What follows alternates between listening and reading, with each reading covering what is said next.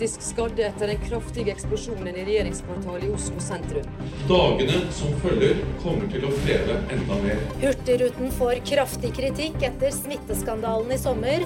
Folk ble ikke testet i tide, mistanke om smitte ble ikke fulgt opp, og karantenereglene ble brutt. Det blir en uh, lang vei for oss. Jeg har svikta igjen og vil si unnskyld. Jeg har et alvorlig rusproblem bestående av alkohol, narkotika og piller i forbindelse med periodevis hard festing.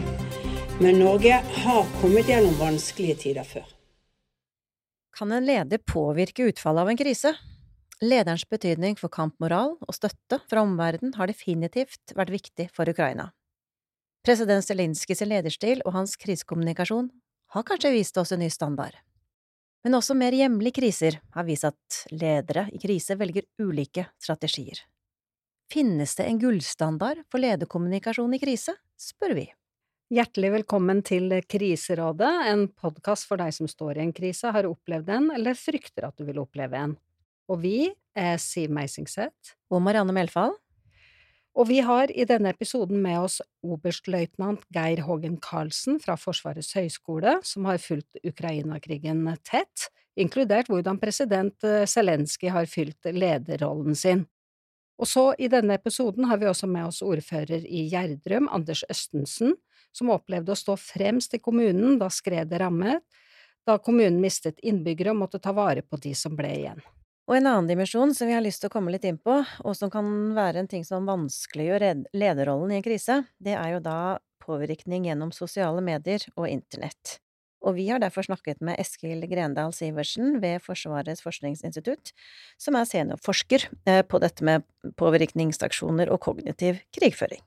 Kriserådet har hatt en liten pause, eh, og det er jo rett og slett, eh, Marianne, fordi at vi har vært litt opptatt med med beredskap og kriseledelse. Hektiske tider. Ja. Men, og vi lever jo fremdeles i krevende tider, og vi har krig i Europa, og risikobildet vårt har endret seg, selv om vi har lagt bak oss en pandemi, og cyberangrep har nærmest blitt dagligdags, og trussel om mulig atomnedfall vår vei trodde vi jo egentlig hørte til 80- og 90-tallet, men det er nå igjen reelt og lederens rolle i en krise, enten krise, krisen er skarp eller kortvarig, eller langvarig som i Ukraina, den ser vi er viktigere enn noen gang. Ja, øh, og er man tilfeldigvis en forsvarssjef som ikke helt tok tak i varslersakene da de kom for en god stund siden, eller en kringkastingssjef som håpet at bråket rundt en viss influenser og en bitte liten pose med hvitt pulver skulle gi seg, og som selv neppe syntes det var en strålende idé med akkurat henne som rollemodell for de unge, men likevel bestemte seg for å stå foran Fredrik Solvang og forsvare, ikke besvare, til Dovre falt. Da blir det tungt å være leder, og da forsterkes krisen. Så hva er do's and don'ts, da, og læringspunkter fra ledere som gjør de riktige tingene, og hva bør vi som ledere i krise i alle fall ikke gjøre? Det håper vi å få belyst nå gjennom denne episoden av Kriserådet, som denne gangen er noe utvidet. Ja, eh, og så er det sånn da at vi begge har jobbet tett på ledere i krise, og du, Siv, har de siste to årene jobbet som kommunikasjonsdirektør i Oslo politidistrikt før du avsluttet ved nyttår, og var da også eh, tett på eh, politiarbeidet i forbindelse med skytingen Oslo Pride 25. juni. Krevende hendelse, og da er det jo interessant å høre litt. Hvordan jobbet egentlig lederne i politiet de første døgnene her, og hvilken støtte så du at den strategiske lederen hadde behov for, kanskje spesielt innenfor kommunikasjon? Mm. Eh, det var jo selvfølgelig veldig, veldig viktig å være raskt tilgjengelig, å være synlig, og bidra til å ta ned spekulasjoner og gi den informasjonen vi hadde da, til innbyggerne i Oslo. Eh, vi arrangerte flere pressekonferanser de første dagene. Eh, det gikk jo over til pressebrifer etter hvert. Ehm, og sjøl om det ikke alltid var noe nytt å melde, så stilte vi oss til disposisjon i hvert fall én gang om dagen. Og så er det jo sånn at politiet har jo en operasjonssentral med operasjonsledere som er på 24-7, og de jobba jo veldig mye med kommunikasjon. De sto jo for mye av den jobben. Mm. Men kunne du sagt litt om hvilken rolle politiledelsen eh, hadde i forhold til alle andre som også uttalte seg, og som var tett på, selve ledelsen i Oslo politi? Det som er viktig for politiledelsen, da, det er å være bevisst den rollen de har i forhold til andre parter, for politiet må jo forholde seg til Justisdepartementet, til Politiets sikkerhetstjeneste, til Oslo kommune, for å nevne noen, da. Eh, og én ting er jo å være en beredskapsetat med mannskap som skal redde liv og helse, men hvordan politiets ledere framstår, er jo ofte avgjørende for hvordan innbyggerne da opplever eh, situasjonen. Mm. Og dette var dager som var prega av veldig stor usikkerhet. Veldig spesielle dager for ja. veldig mange mennesker i Oslo. Ja. Mm. Det var mye redsel, det var uro, og det var eh, masse bekymring. Nå kommer det en evalueringsrapport i april, og den vil nok vise at det var en del å lære, eh, som ved alle hendelser. Eh, og så, så var jo denne jobben også for politiledelsen en veldig krevende samordningsjobb. Mm. Hvordan brukte dere sosiale medier? Du, vi var veldig raskt ute i sosiale medier, og vi merka jo at det var veldig populært. Altså, det var veldig mange som brukte Facebook under denne perioden. Um, og vi forsøkte å, å, samordne våre budskap med andre involverte, og for politimester Beate Gangås, som nå er PST-sjef, da, uh, dette var jo en veldig krevende lederjobb for henne, og hun hadde behov for tett oppfølging og støtte med alt fra ja, praktisk organisering, uh, få mat på bordet, til oppdatert budskapsunderlag som hun også kunne støtte seg på. Som sagt, veldig mye læring her. Mm. Så har vi jo også en tidligere skuespiller, men som vi kanskje ofte glemmer når mannen presenteres, også en skarp jurist ved navn Volodymyr Zelenskyj. Han rapporterte live fra Kiev eh, mens Russland angrep landet hans. Han fortsatte med å dra rundt i verden for å samle støtte og våpen, og er ekstremt god til å spisse budskapet sitt. Har skarp retorikk, bevisst ordvalg, med en lokal vinkling, han er målgrupperetta uansett hvor han er. Ja, og så er det jo sånn at han holder jo daglige taler, han, til folket. Mm. Og han inviterer til pressekonferanser, og når han gjør det, så går han jo da ofte ned fra podiet, finner seg en stol, setter seg blant journalistene og ber dem fyre løs alle spørsmål de måtte ha, i motsetning til en viss Putin som krever iallfall 20 meter til de han snakker med. Og naturlig nok så er jo da Zelenskyj eh, den mest populære politikeren i Ukraina.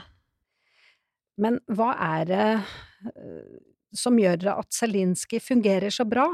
Og hva er det vi kan lære av hans lederstil i krise? Og du, Marianne, du har jo satt deg ned med oberstløytnant Geir Hågen Karlsen ved Forsvarets høgskole og stilt ham noen spørsmål.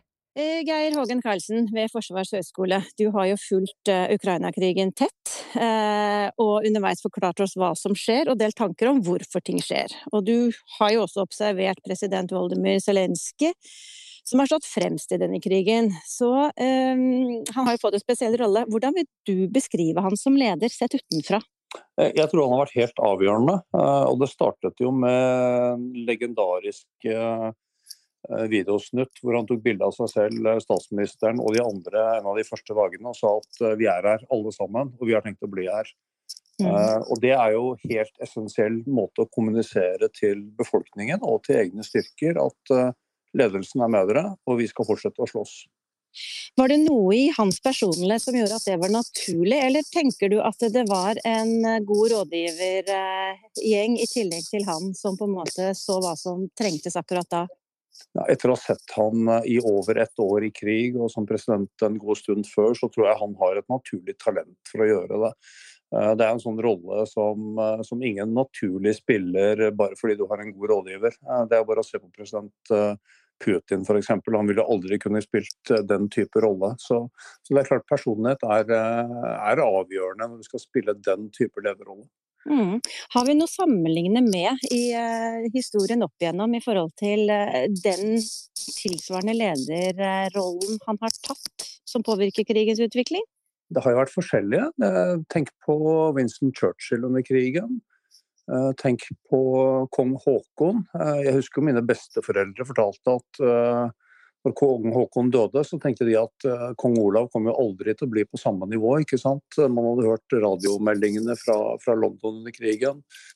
Tenk Ronald Reagan, som også var skuespiller, da, og som var en fantastisk kommunikator i sin presidentperiode, hvor han jobbet hardt mot Sovjetunionen. og Uh, tear down this wall, uh, president Gorbatsjov og The Empire of the Evil. Så, så, det er jo forskjellige måter å spille disse rollene på, men, men, hver enkelt person må jo forholde seg til sin egen personlighet og muligheter og, og, den historiske situasjonen. For her er det jo mye retorikk, det er mye bevisste valg av ord. Han er skuespiller. Hva tenker du er hans strategi? Hvor mye tenker han på dette? Ja, Fordelen med å være skuespiller er at du er jo i utgangspunktet godt trent på å kommunisere.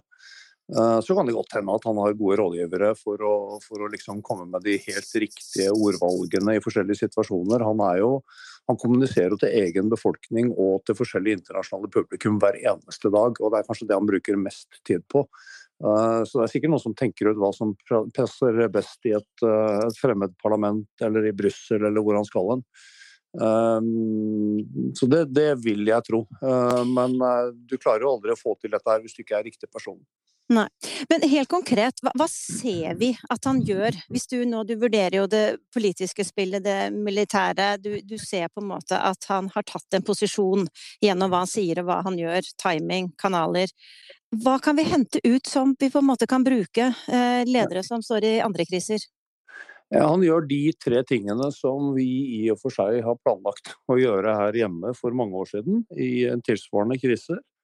Eh, og det er tre ting. Det ene er å sikre oppslutning i egen befolkning. Og da var jo f.eks. disse disse videoene tidlig når han viste at han ble værende, og uttalelser som at uh, 'jeg trenger ammunisjon, ikke haik', når han fikk spørsmål om han ville forlate, ja. helt essensielle. Mm. Ehm, det andre er å bygge støtte fra allierte og andre nasjoner. Eh, for oss så ville det være i Nato, men for han så er det i og for seg fra hele verden. Og det var jo ikke gitt i det hele tatt. Uh, og det tredje er å avskrekke fienden. Um, men det oppnår du først og fremst med å sikre oppslutning internt og, og sikre støtte fra, fra, allierte. Ja. Han er jo mer enn en retoriker. Han er jo en person som er samlende. Uh, litt sånn ut ifra hva dere nå gjør og tenker og forsker eventuelt på på Forsvarets høgskole. Ser vi noe der som dere nå tar inn i uh, oppleggene deres? Ja, jeg tror vi kommer til å lære veldig mye av hvordan Ukraina har eh, drevet den krigen på alle områder. Og, og vi har jo fulgt ukrainsk eh, og, og har samarbeid med ukrainere fra langt tilbake. Så vi, vi prøver jo å lære så fort som mulig her. Eh, og kopiere det, og så må det tilpasses til norske forhold. Det er ingen tvil om. Hvis det var slik at, la oss ta tankeeksperimentet, Norge ble invadert av Russland, hvem vil ha tatt den lederposisjonen eh, i Norge? En sånn lederposisjon som han tar, eh, kan jo egentlig bare tas av eh, statsledere. Altså, han er president. Eh, tenk statsminister Churchill, tenk kong Håkon under krigen. For det er ingen andre. Ja. Men du nevnte symbolikk, grønn genser ute i felt. Hvor mye betyr den type ting? Er det bare staffasje, eller har det faktisk en funksjon i å snakke ut? Nei, jeg tror det gjør at uh, befolkninga, og kanskje særlig de hundretusenvis av soldater som står ved fronten, identifiserer seg med presidenten. Uh, vi har en god historisk parallell i Norge med general Fleischer, som uh, slo tyskerne tilbake fra Narvik i 1940. Ja. han var veldig bevisst på at han måtte vise seg ute med troppene med jevnlig. og så sa han også at men generalen kan ikke gjøre det hele tiden. Eh, det holder at du gjør det ofte nok til at ryktet går om at generalen er sammen med soldatene ved fronten. Ja, Så, så tilstedeværelse, være eh, skulder ved skulder, eh, i tillegg til hva man sier og gjør? Jeg tror ukrainske soldater er veldig glad for at de har en president som viser seg i skyttergravene, versus eh, russerne som har en president som sitter mer eller mindre isolert i Kreml. Krig føres altså ikke bare på slagmarken, men vel så mye med ord, valg av kanaler og timing. Eh, Carlsen han understreker jo i dette intervjuet med deg, Marianne, at det handler om tre ting – sikre oppslutning i egen befolkning, bygge støtte hos allierte og avskrekke fiender. Og så er det jo sånn at vi har også snakket med en annen person i Forsvaret, men fra Forsvarets eh, forskningsinstitutt. Det er Eskil Grendal Sivertsen. Han jobber som seniorrådgiver, og han forsker da på påvirkningsoperasjoner og kognitiv krigføring. Spesielt hvordan Russland driver sin globale informasjonskrig gjennom et omfattende nettverk for skjult manipulasjon. Så hva er det man må tenke på når man blir utsatt for sånn eh, påvirkningsoperasjon? Som gjør alt for å undergrave oss. Og Eskil mener man bør ha tre forhold i tankene. Når vi ser på påvirkningsoperasjoner, så vi, deler vi det gjerne inn i tre nivåer. Um, og Det er jo veldig relevant tenker jeg, med, med tanke på krigen i Ukraina. Uh, du har påvirkning på det strategiske internasjonale nivået. Uh, og Der har jo Russland brukt mye ressurser på å forsøke å undergrave Ukraina og undergrave Zelenskyj internasjonalt. Um, og forsøke å svekke tilliten til uh, ukrainske myndigheter og til ukrainere i utlandet. Um, også i Ukraina, selv om der har det nok ikke vært spesielt vellykka. Um, men også å forsøke å skape falsk legitimitet for krigen. Uh, og jeg mangler et godt norsk, og, og, norsk ord på plausible deniability. Men altså det å skape nok tvil rundt hva som egentlig har skjedd, til at du kan komme unna med det. Um, Tåkelegge forbrytelser, avlede oppmerksomhet og, og, og, skape tvil.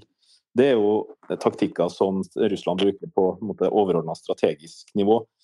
Um, også hvis vi går på hakket under, så på den militære operasjonen, um, på det vi kaller operasjonelt og taktisk nivå. og da handler det om å bruke mye av de samme virkemidlene, men eh, direkte mot målgruppene eh, i kan du si, i kampen, da, som f.eks. Å forsøke å, å undergrave nei, å, å, å, villede motparten, eh, eller å forsøke å svekke motpartens eh, kampvilje. Og Det er jo noen ting vi ser både eller vi ser, men det må gå ut ifra at, at, både Ukraina og Russland gjør. og Det er jo en, en helt vanlig del av krigføring som, som alltid gjøres.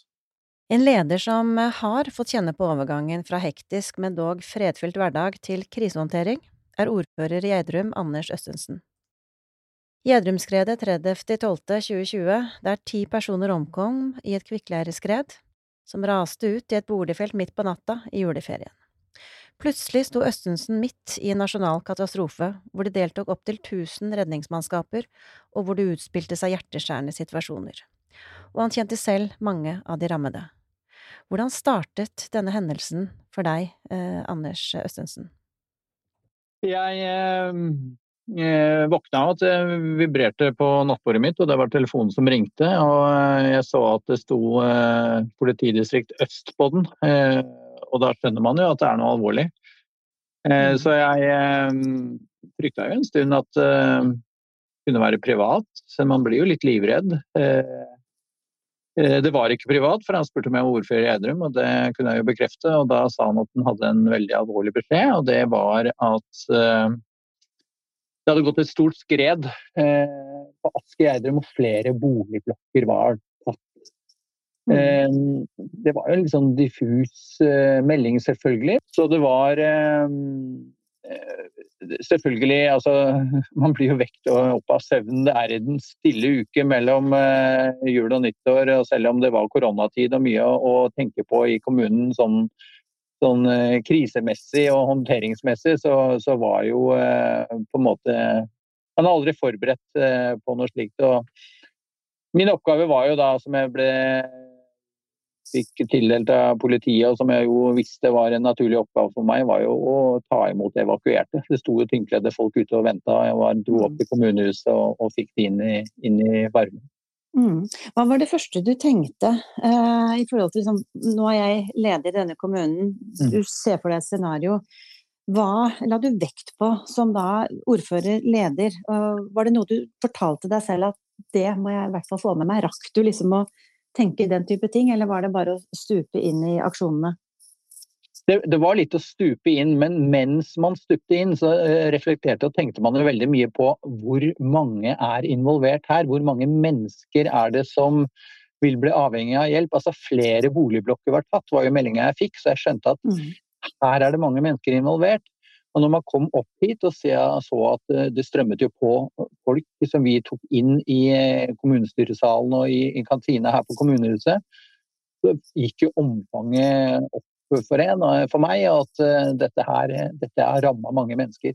Mm. Men så begynte jo media å ringe, og det ble jo da en, en oppgave som tok veldig mye av min tid.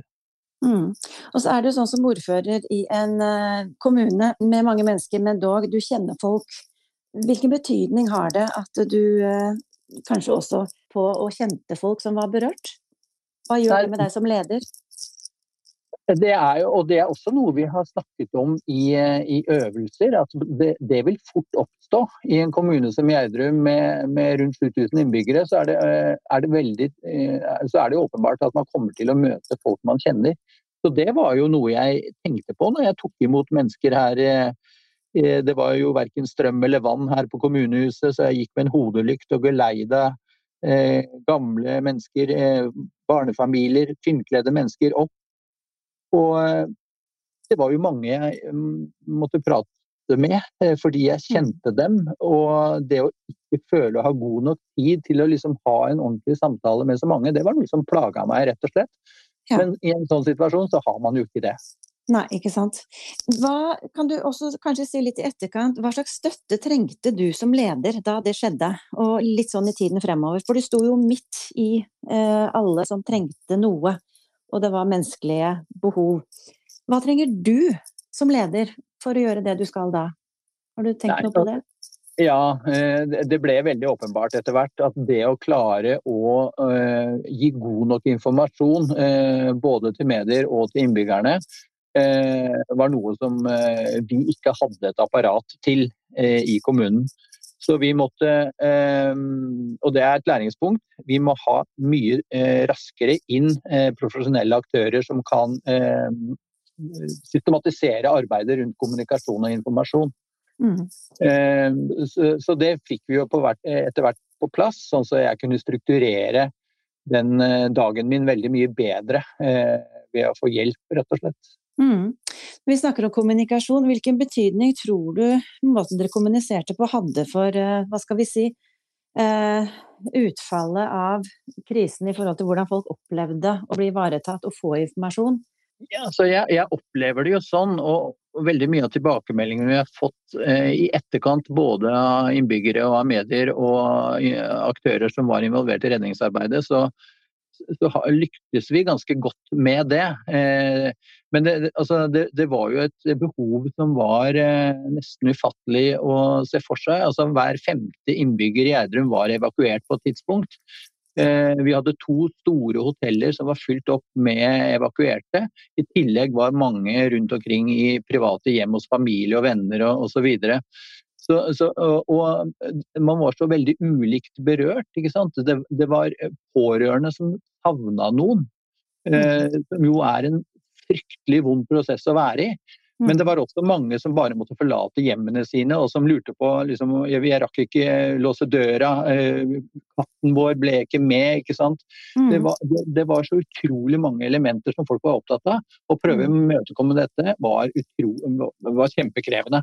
Mm. Men vi gjorde så godt vi kunne, og vi hadde regelmessige møter på disse hotellene og sendte ut pressemeldinger og informerte på sosiale medier osv. I en større krise så er det vesentlig at eh, ledere også bidrar til å skape en grad av trygghet eh, der man kan. Hvor mye tenkte du på det i forhold til hvordan du kommuniserte, hvordan du på en måte uttrykte følelser kontra kontroll? Mm. Um, mm. Nei, altså jeg, jeg, tenkte selvfølgelig på det. Altså, jeg, det kunne jo ikke være sånn at, jeg, at følelsene tok overhånd hver gang jeg sa noen ting. Så det, det jobba jeg veldig hardt med, men innimellom så ble det jo vanskelig. Og det var, kom direkte spørsmål som kanskje kom litt overraskende, og som gikk veldig på dette med mennesker hadde omkommet og folk jeg kjente osv.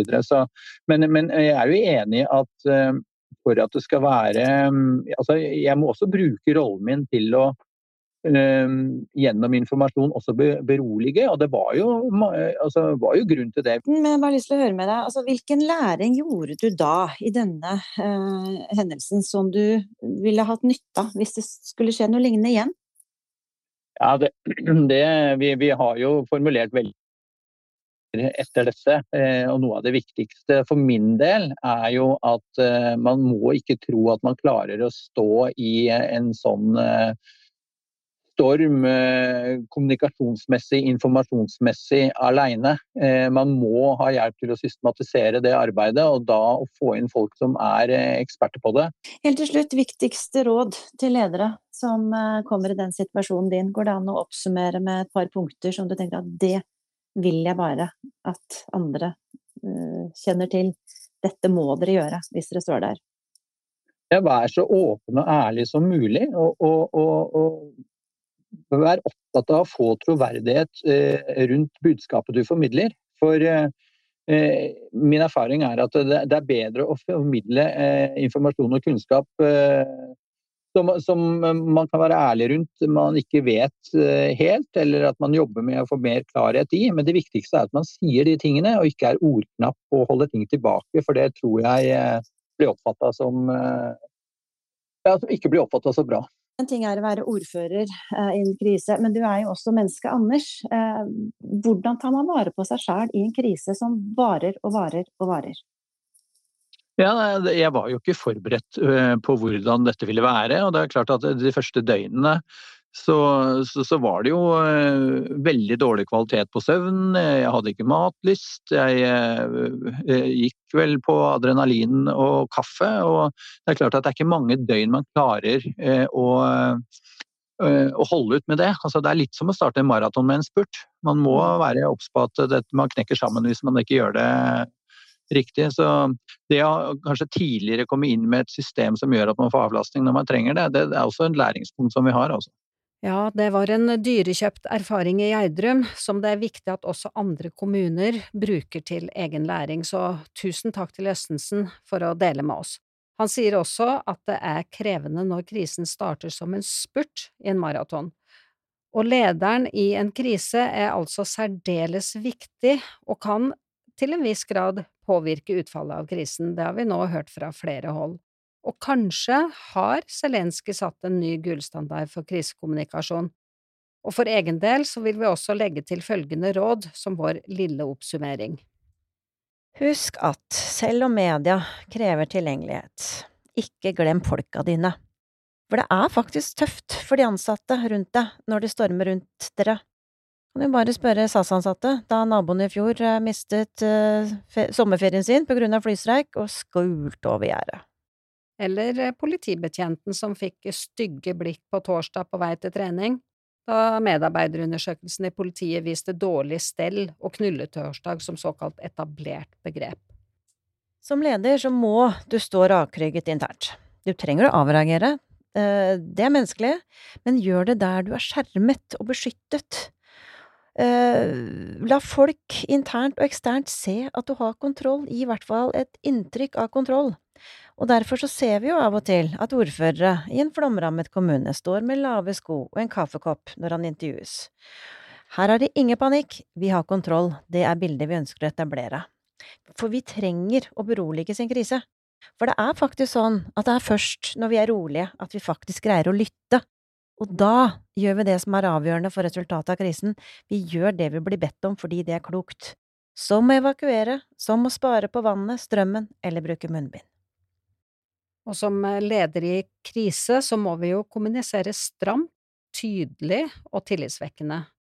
Og vi kan fremdeles anbefale denne formelen hode, hjerte, hender, som går ut på at du bruker fakta, empati og handlekraft. Og argumenter innenfor hver av disse kategoriene, og da har du en større sjanse for å beholde tilliten sjøl etter en krise. En skikkelig sjømann ber ikke om medvind, han eller hun lærer seg å seile. Og vi håper jo da at dette har gitt litt vind i ledige seilet. Takk for at du hørte på Kriserådet.